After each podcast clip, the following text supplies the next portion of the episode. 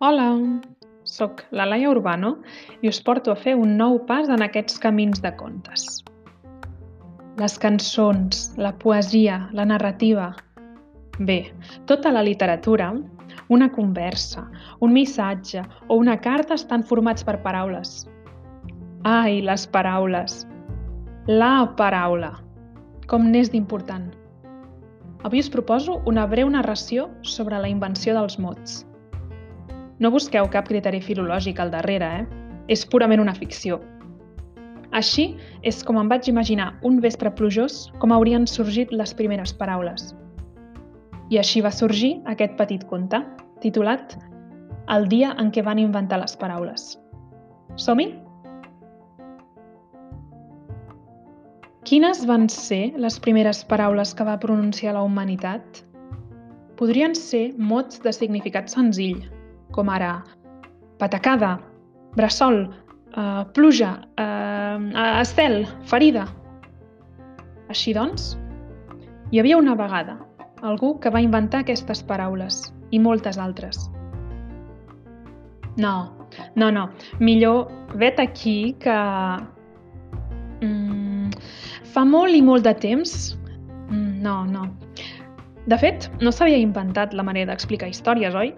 doncs tant se val.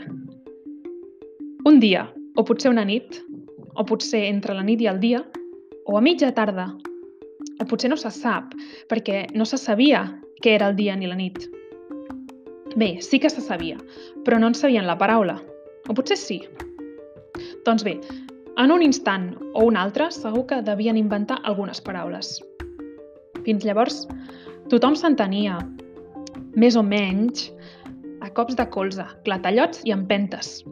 La por, la incomprensió i el caos segur que regnaven per tot arreu, tot i que no s'havien inventat les paraules per descriure la por, la incomprensió o el caos, oi? El món anava tirant, però amb tants... No hi havia espai per a moltes de les coses que podem dir-nos avui. Però quina fou la primera conversa de totes? No deuria pas ser gaire llarga, potser d'una o dues paraules, sortides una mica inconscientment d'una boca. Us la imagineu, aquesta conversa? Doncs jo sí. M'imagino, per exemple, l'expressió com caminant va fer mentre tornava a casa, en veure que el seu company havia ensopegat amb la mateixa pedra que l'anada. Amb el cop de morros a terra, potser van impactar de rebot els primers mots. Un d'aquells hauria pogut ser patacada, o potser va ser una cançó que una mare va cantar per abraçar el seu fill. La primera cançó de bressol de totes. Segur que dels filets de veu de la melodia van teixir-ne les paraules. Paraules com ara bressol.